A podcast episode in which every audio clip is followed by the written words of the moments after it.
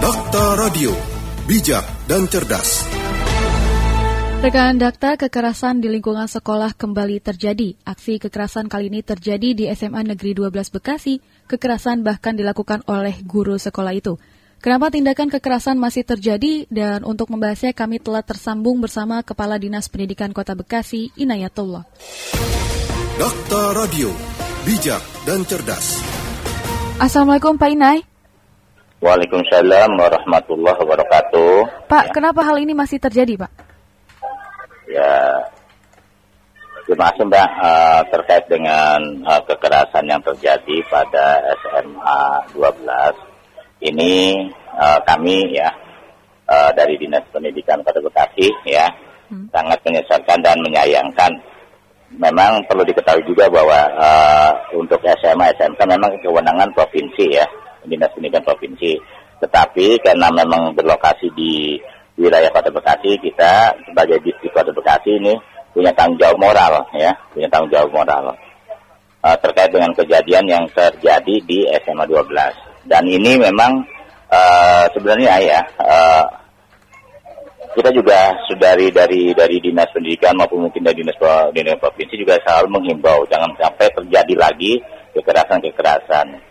Dan ini memang mungkin ada kehilapan dari seorang guru ya ya terkait dengan eh, kejadian tersebut karena memang terlambat eh, datang. Ini sebenarnya hukuman disiplin, tapi disiplin yang belum yang diterapkan itu disiplin yang di luar kewajaran, misalnya gitu. Hmm. Harusnya kan disiplin yang sifatnya mendidik, demikian ya. Hmm. Iya. Apa langkah yang akan diambil oleh Distrik Bekasi, Pak? Nah, eh, di situ atau Bekasi terkait dengan ini, karena ini kita kita sudah melakukan koordinasi dengan eh, ITKO dan juga BKPPD, karena memang di SMA SMK kan kewenangan provinsi, Hmm. jadi kita koordinasi ke KCD ya. Bahkan eh, dinas pendidikan sendiri sudah memanggil kepala SMA, kepala SMA, kemudian juga guru yang bersangkutan, bagian humas pada hari Selasa eh, ke distrik terkait kita ingin tahu kronologis kejadiannya kan gitu dan itu sudah kita laporkan eh, dan kita sudah buat berita acara dan eh, guru yang bersangkutan kebetulan itu adalah wakil kepala sekolah. Wakil kepala sekolah tersebut sudah dinonaktifkan untuk jadi eh, sebagai kepala sekolah wakil kepala sekolah bidang kesiswaan. Nah itu langkah-langkah kita lakukan.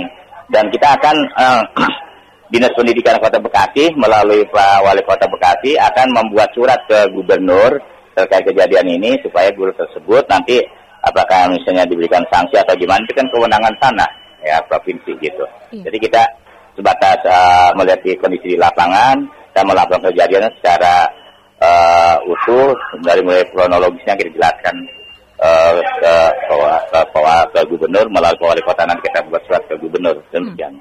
Pak, apakah ada sanksi hukum jika ditemukan kesalahan dalam prosedur? Nah, kalau sanksi hukum, kalau misalnya ada kesalahan secara prosedur pasti. Ya, cuman sanksinya apa? Nanti kan kewenangan provinsi nanti yang memberikan gitu. Pasti ada. Ya. Gitu. Pasti ada. Pasti kalau ada. ada kesalahan pasti ada. Nah, cuma sanksi apa dan gini apa kan kita lihat PP 53-nya ya nanti. Iya, siap.